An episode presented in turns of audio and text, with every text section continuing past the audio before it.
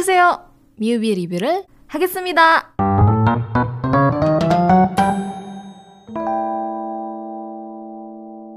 Film Dream yang diperankan oleh Ayu dan Park Seo Joon ini meraih kesuksesan setelah berhasil menduduki puncak box office Korea Selatan sebelum 50 hari tayang gitu. Belum nyampe 50 hari tayang aja udah box office. Film ini dirilis pertama kali di tanggal 26 April 2023 dan um, kemarin itu di Indonesia juga masuk ke bioskop. Nah, di bulan Juli akhir di tahun 2023 sudah bisa ditonton di Netflix. Ya, tersedia di Netflix. Film ini diadaptasi dari kisah nyata tim sepak bola yang terdiri dari para pemain tunawisma yang berpartisipasi dalam Homeless World Cup. Apa sih sebenarnya Homeless World Cup ini? Jadi homeless kalau misalnya diartikan ke dalam bahasa Indonesia itu artinya kan tunawisma. Nah, jadi ini adalah ajang pertandingan yang pesertanya itu merupakan tunawisma.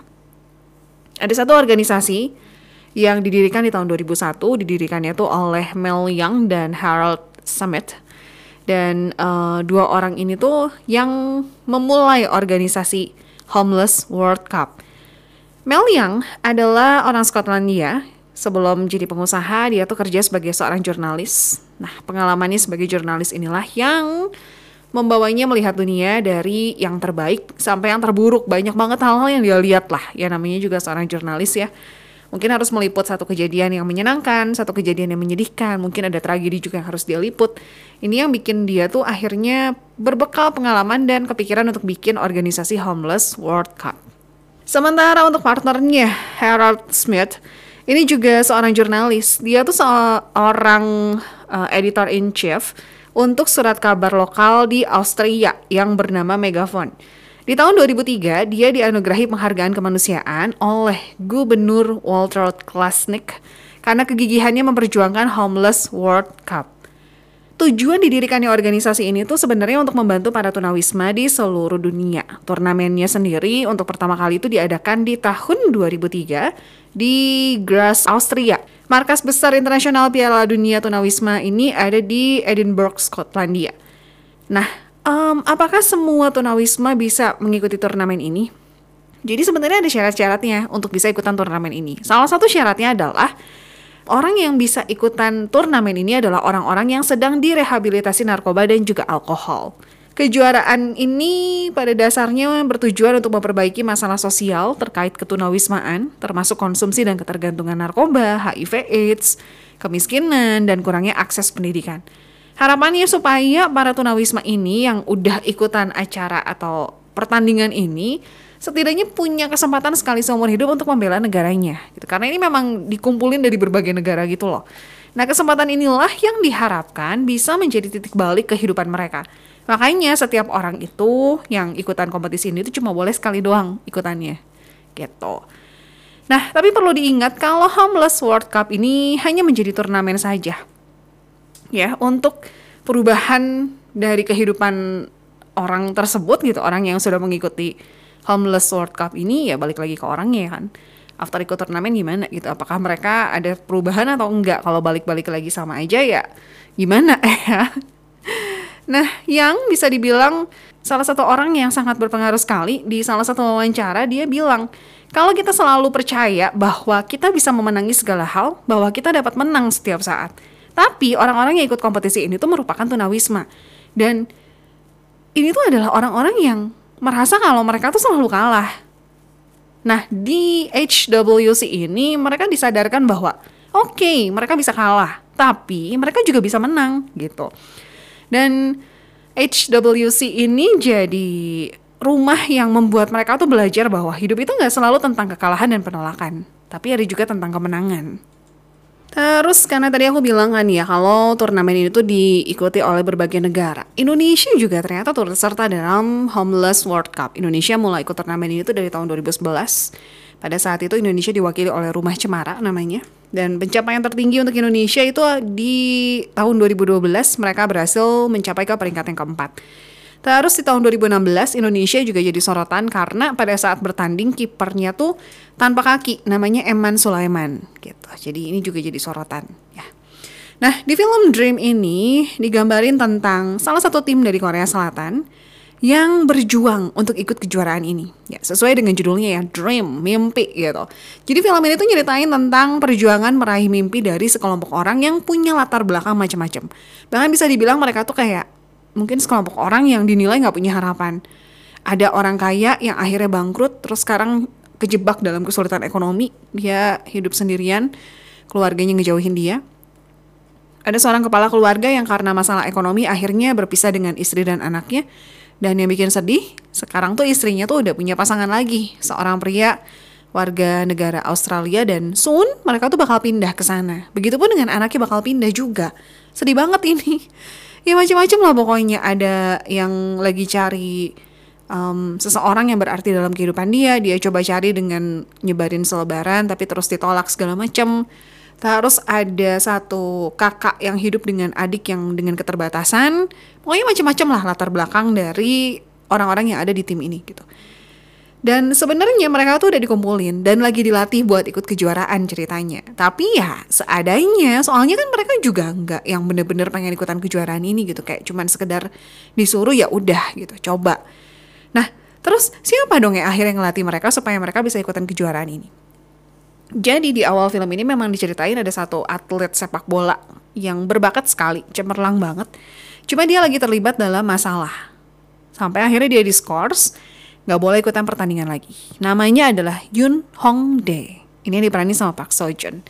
Sebenarnya dia tuh adalah atlet yang sangat berbakat. Tapi karena ada satu masalah yang melibatkan mamanya, makanya pertandingan dia itu jadi ikut terpengaruh. Pengaruh, ih mulai deh. Makanya pertandingan dia itu jadi ikut terpengaruh gitu kali itu. Nah, mamanya adalah seorang penipu ulung yang dicari di mana-mana. Miris banget sih sebenarnya ya. Anaknya tuh seorang atlet yang terkenal, mamanya juga terkenal tapi dari segi negatif gitu. Nah masalahnya orang-orang tuh tahu kalau dia itu adalah mamanya Yun Hong Dae, si atlet sepak bola yang sangat terkenal. Makanya di press conference pertandingan kali itu dia kepancing sama satu wartawan. Tapi kalau misalnya kamu nonton ya emang si wartawan ini tuh mukanya nyebelin banget sih. Aku pun pas nonton tuh agak sedikit emosi ketika si wartawan itu nanya. Mukanya tuh beneran muka polos sambil senyum tapi pertanyaannya nyebelin gitu.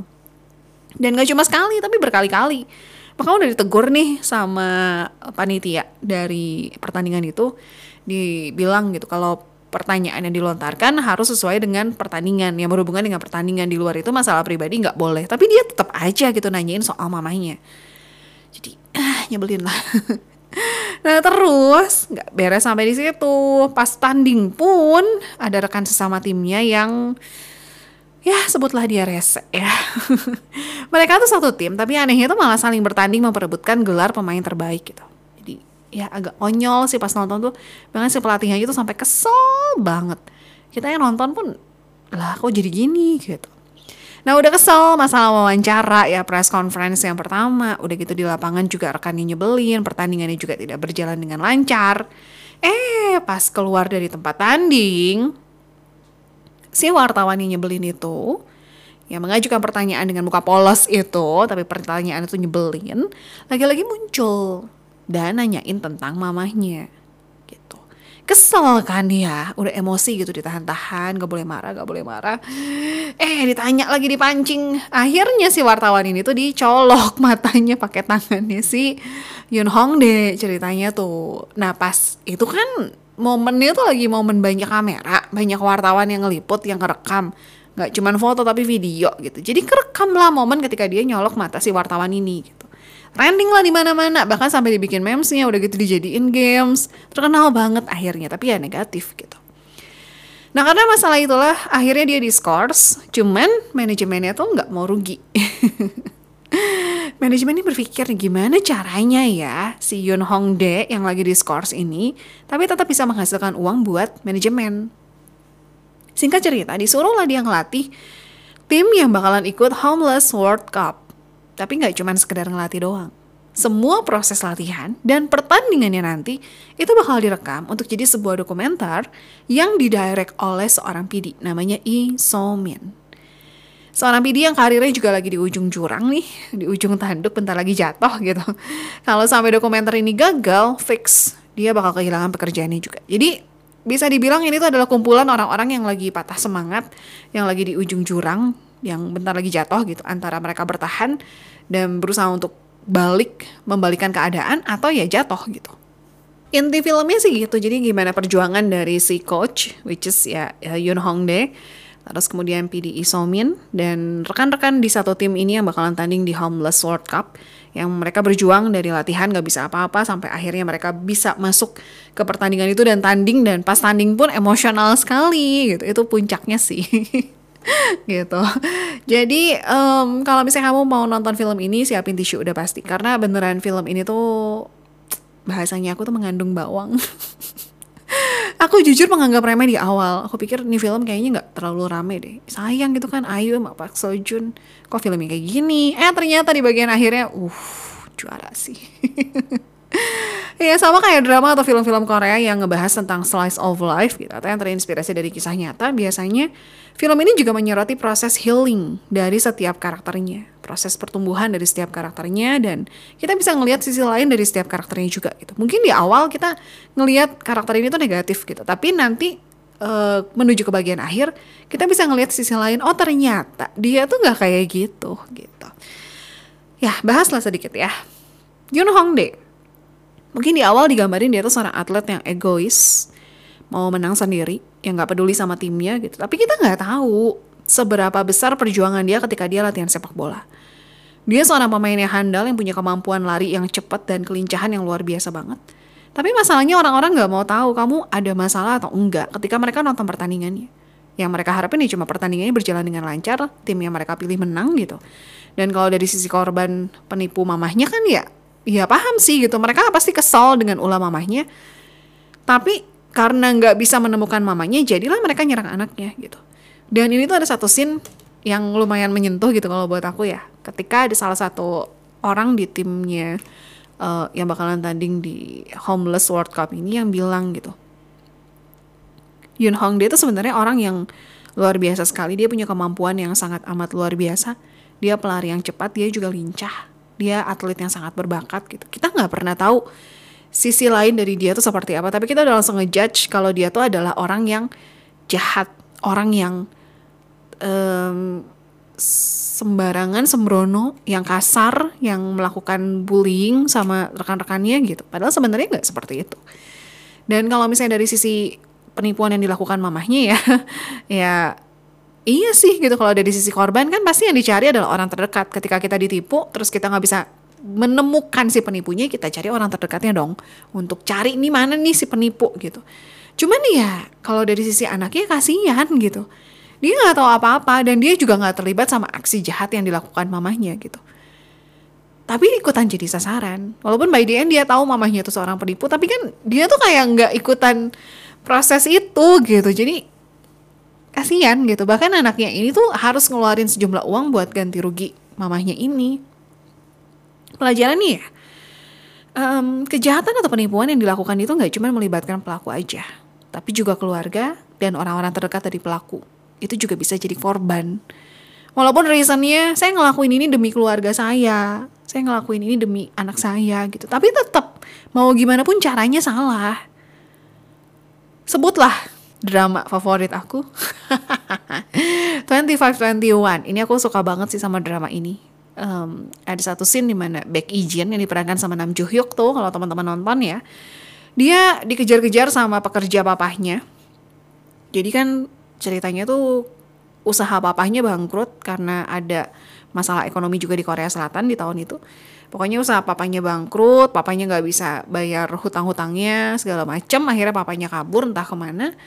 Yang dicari adalah Becky Jin karena mungkin satu-satunya orang yang masih ada di Seoul pada saat itu adalah Becky Jin nah uh, Ijin yang nggak tahu papanya ada di mana tiba-tiba didatengin sama dua orang ajusi ajusi gitu yang marah-marah yang minta dia tanggung jawab gitu. Becky Jinnya juga bingung dia nggak punya uang. Dia harus kerja part time sana sini gitu serabutan demi bisa menghidupi dirinya sendiri dan keluarganya mamahnya gitu ya maksudnya dan adiknya yang juga ada di luar kota gitu. Terus sekarang tiba-tiba ada dua orang yang minta uang ke dia, minta supaya dia bertanggung jawab. Dia juga bingung gitu, apa yang harus dia lakuin, gitu. Um, ya walaupun di film Dream by the end, um, satu keputusan besar yang Yun Hong de ambil adalah Akhirnya dia memutuskan untuk membiarkan mamahnya bertanggung jawab sendiri atas kesalahan yang dilakukan, sekaligus kasih efek jerah ke mamahnya.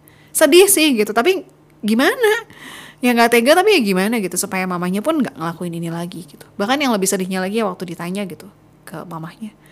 Aku tuh memang ada di urutan keberapa sih gitu. Terus si mamahnya tuh jawab anak itu biasa ada di urutan ketiga atau keempat. Itu sedih banget loh. Tapi sebenarnya nonton aja. eh nonton aja lah. Ada scene yang mengharukan juga antara mamahnya dengan uh, Yoon Hongdae. Terus yang diperankan sama Ayu, karakternya Lee So Min, seorang PD yang juga lagi berjuang untuk hidupnya. Dia juga pada akhirnya mengalami perubahan setelah menyutradarai dokumenter ini gitu. Dari yang awalnya dia cuma sekedar mendirect dokumenter, menyutradarai doang. Terus di awal juga kita dikasih lihat dia tuh mengejar sebuah dokumenter yang penuh dengan kepalsuan fake banget lah. Dalam artian semuanya itu disusun sedemikian rupa supaya menarik, dibikin gimmick-gimmicknya yang gimana gitu, supaya uh, orang-orang seneng nontonnya gitu. Tapi seiring dengan berjalannya waktu, Isalmin tuh jadi seorang PD yang akhirnya menyuarakan kebenaran lewat karyanya. Ada satu scene yang di mana uh, karakternya Pak Sojun yaitu Yoon Hong dia tuh bilang bukannya sebuah dokumenter itu harusnya merekam apa adanya. Kok ini malah deskripsi kalau bahasanya aku gitulah kurang lebih. Nah akhirnya Lee Min pun melakukan hal yang sama gitu. Dia uh, menangkap momen-momen yang sangat berarti untuk tim ini dan juga Yoon Hongdae. Dia berani mengungkap siapa sebenarnya Yoon Hongdae. Satu-satunya cara gitu di saat yang lain udah pada mentok, akhirnya dia turun tangan dan ngelakuin satu hal yang luar biasa sekali gitu. Sisi lain dari seorang Hongdae yang selama ini dihujat karena nyolok mata wartawan, dianggap sampah masyarakat, dianggap seorang atlet yang tidak berguna, eh ternyata dia punya sisi lain yang sangat amat menyentuh. Jadi ceritanya tuh ya, muncul video, aku spill ya, di mana Yoon Hongdae itu lagi ngegebukin, lagi nonjokin beberapa orang di taman malam-malam ceritanya tuh. Di video itu tuh kelihatan kalau Yoon Hongdae yang lagi ngebully seolah-olah tuh ya. Padahal aslinya tuh gak gitu. Aslinya tuh Yoon Hongdae lagi menyelamatkan seseorang yang dibully. Makanya dia lagi mukulin yang ngebully. Tapi by the end jadi dia yang disalahin gitu. Nah ini tuh salah satu scene yang menarik sih. Jadi um, demi membela Hongdae dan mereka tahu Hongdae tuh nggak ngelakuin itu dan mereka tahu siapa yang Hongdae bela gitu. Akhirnya setiap anggota ya plus Isomin sama ada satu rekannya juga kameramen datang giliran ke kantor polisi gitu. Supaya mereka menyelidiki ulang. Ini beneran sampai satu-satu datang sampai polisinya tuh gemes sendiri gitu. Jadi datang satu sampai si polisinya nanya ada masalah apa yang bisa dibantu. Yun Hong deh, enggak, udah dia salah gitu. Datang lagi satu sampai ke toilet diikutin.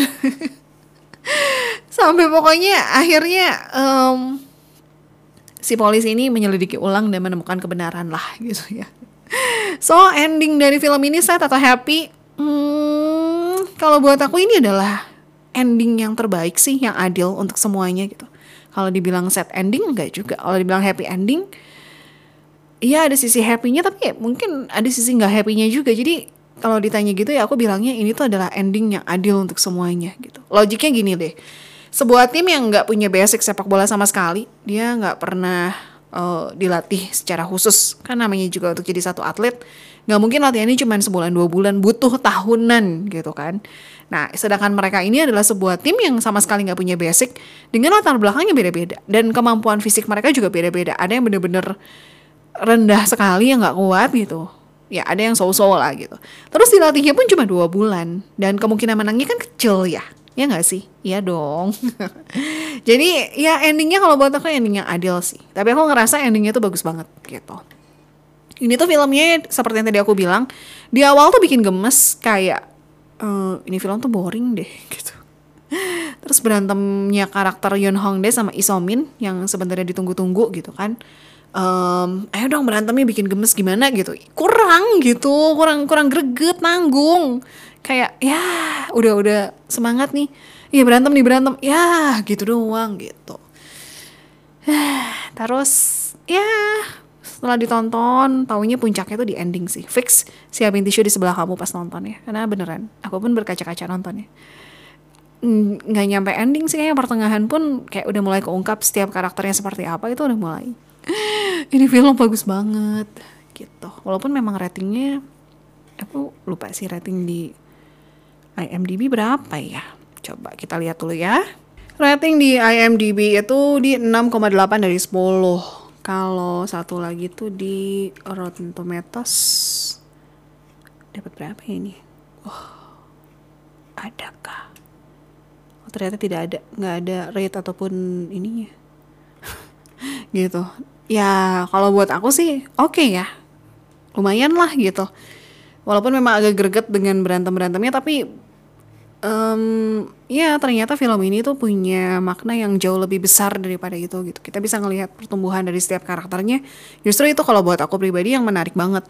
Kita ngelihat dari satu orang yang mungkin penuh dengan kekecewaan sampai akhirnya dia berubah. Terus yang paling berkesan lagi adalah uh, karakter yang ini yang papa itu loh, yang seorang ayah yang akhirnya berjuang untuk anaknya. Sekalian bahas karakter aja kali ya. Oke, okay, Park Seo Joon berperan sebagai Yoon Hong Dae. Ya, Park Seo Joon udah gak perlu diragukan lagi kemampuan aktingnya dia. dia udah cukup main, dia udah cukup banyak main di beberapa drama. Um, aku nontonin dia itu pertama kali di Heal Me, jadi second lead. Tapi sungguh berkesan sekali sih Kill Me dia jadi second leadnya ya. Terus di She Was Pretty jadi first lead, second leadnya yang memenangkan hati banyak orang si Won. Udah gitu aku nonton lagi di Fight For My Way itu juga bagus. Tentang olahraga juga kan, tapi tinju gitu. Udah gitu dia main di What's Wrong with Secretary Kim. Udah gitu uh, ini di tahun 2023 ada Gyeong Song Creature tapi masih nggak tahu kapan. Diperani sama Park Seo Joon sama Han So Hee. Gitu. Itu untuk Park Seo Joon. Terus kalau Ayu, Ayu juga aku lumayan ngikutin drama-dramanya dia sih. Drama dia pertama kali aku nonton di Dream High. Itu jadi debutnya dia. Terus dia ada di um, The Producer, Moon Lovers, Scarlett Hardio, Hotel de Luna. Terus di tahun 2023 ini ada satu project juga Thank You for Your Hard Work. Ini judulnya bagus banget. Oh my god. ini diperanin sama Ayu sama Pak Bogum. Hmm, 2023 tapi nggak tahu kapan. Akhir kali ya. Terus ada Go Chang Sok berperan sebagai John Hyo Bong. Nah ini satu karakter yang jadi ayah. Cuman karena pekerjaannya dia, nonton deh, aku nggak mau spill banyak-banyak. Intinya karena pekerjaannya dia, pokoknya akhirnya keluarganya minta uh, pisah si istrinya tuh minta pisah. Terus sedih banget waktu lagi kumpul keluarga dan menyatakan kalau kita udah berpisah ya, kita udah cerai ya. Terus ada salah satu anggota keluarga yang ngasih tisu depan dia, kayak ya udah mau nangis ya. Nih gitu loh kesannya tuh kayak gitu. Udah gitu si anggota keluarga ini keluar, keluar ruangan kayak ke ruang tamu gitu. Terus ngajak anak-anaknya untuk pergi ke supermarket untuk belanja dan si karakter Go Chang Sok ini tuh kayak cuman ngelihat dari pintu ngeliatin anaknya terus si anaknya senyum akhirnya dia yang lagi sedih pun akhirnya ikutan senyum itu kayak kena banget gitu terus di scene yang akhir pun yang ketika akhirnya dia berpisah sama anaknya gitu kayak ya uh, pergilah gitu itu pun uh, wah juara sih dia dia kayaknya udah cukup banyak main di drama dan film ya drama aku nonton dia di oh dia ada di Kill Me Help Me by the way dia ada di Monster juga. Udah gitu ada di Reply 1988. Um, Art the Chronicles. Today's Webtoon. The Good Detective season yang kedua sama Glitch yang terakhir tuh. Kalau film-film udah banyak banget. Film yang pernah aku tonton ya. Project Wolf Hunting. Jadi salah satu polisinya deh kalau nggak salah. Life is Beautiful. Hmm, Sing Hall. Miracle Letters to the President, terus Innocent, Broker juga. Uh, Broker kan yang ada Ayu juga sebenarnya. Terus di Be With You, ini film yang diperanin sama uh, So Ji Sup sama Son Ye Jin. Ini juga drama family gitu bagus. eh drama, ya genrenya drama gitu. Dan lain-lain banyak lah pokoknya. Ya, sisanya pemain-pemain lainnya ada Lee Hyun Woo, yang berperan sebagai Kim In Sun dia tuh se seorang yang sebenarnya talented di bidang sepak bola ini tapi karena dia punya masa lalu yang bingung gitu bikin dia tuh bingung akhirnya itu mempengaruhi dia. Dan salah satu ciri khasnya dia tuh dia ponian. Rambutnya tuh ponian terus nutupin matanya dia gitu. Dan by the end ketika akhirnya dia ganti tatanan rambut itu yang jadi turning pointnya dia gitu. Itu juga salah satu adegan yang bagus sih. Udah gitu ada Kim Jong Soo yang berperan sebagai Kim Hwan Dong. Ini tuh satu orang yang dari tadinya orang kaya terus jatuh miskin, kesulitan ekonomi. Dia juga scene-nya, aduh di ending tuh, wah berjuang sampai titik darah penghabisan banget lah. ya, terus ada Jung Seung Gil berperan sebagai Son Bom Soo, ada Yang Hyun Min berperan sebagai Jong Moon Soo, ada Hong Wan Pyo berperan sebagai Hyung Jin. Ini tuh adalah tim dari uh, yang ikutan Homeless World Cup-nya gitu. By the way, film ini tuh didirect oleh Lee Byung Hun. Ditulis juga oleh Lee Byung Hun. Lee Byung Hun ganteng guys. Salah fokus saya. Dia pernah jadi aktor tapi cuma jadi cameo doang di The Last Ride. Aku nggak nonton sih. Terus kalau untuk movie-movie yang pernah dia direct ya, uh, Extreme Job ini juga ada di Netflix. Udah gitu What a Man Wants, 20 sama Cheer Up Mr. Lee. Kalau untuk dramanya, dia ngedirect uh, Be Melodramatic, terus Alice the Final Weapon, Chicken Gangjong, aku gak pernah ada yang nontonin dong, sama uh, ini, oh Chicken Gangjong tuh masih 2023 tapi nggak tahu kapan. sama satu lagi di tahun 2024 ada Everything Will Come True.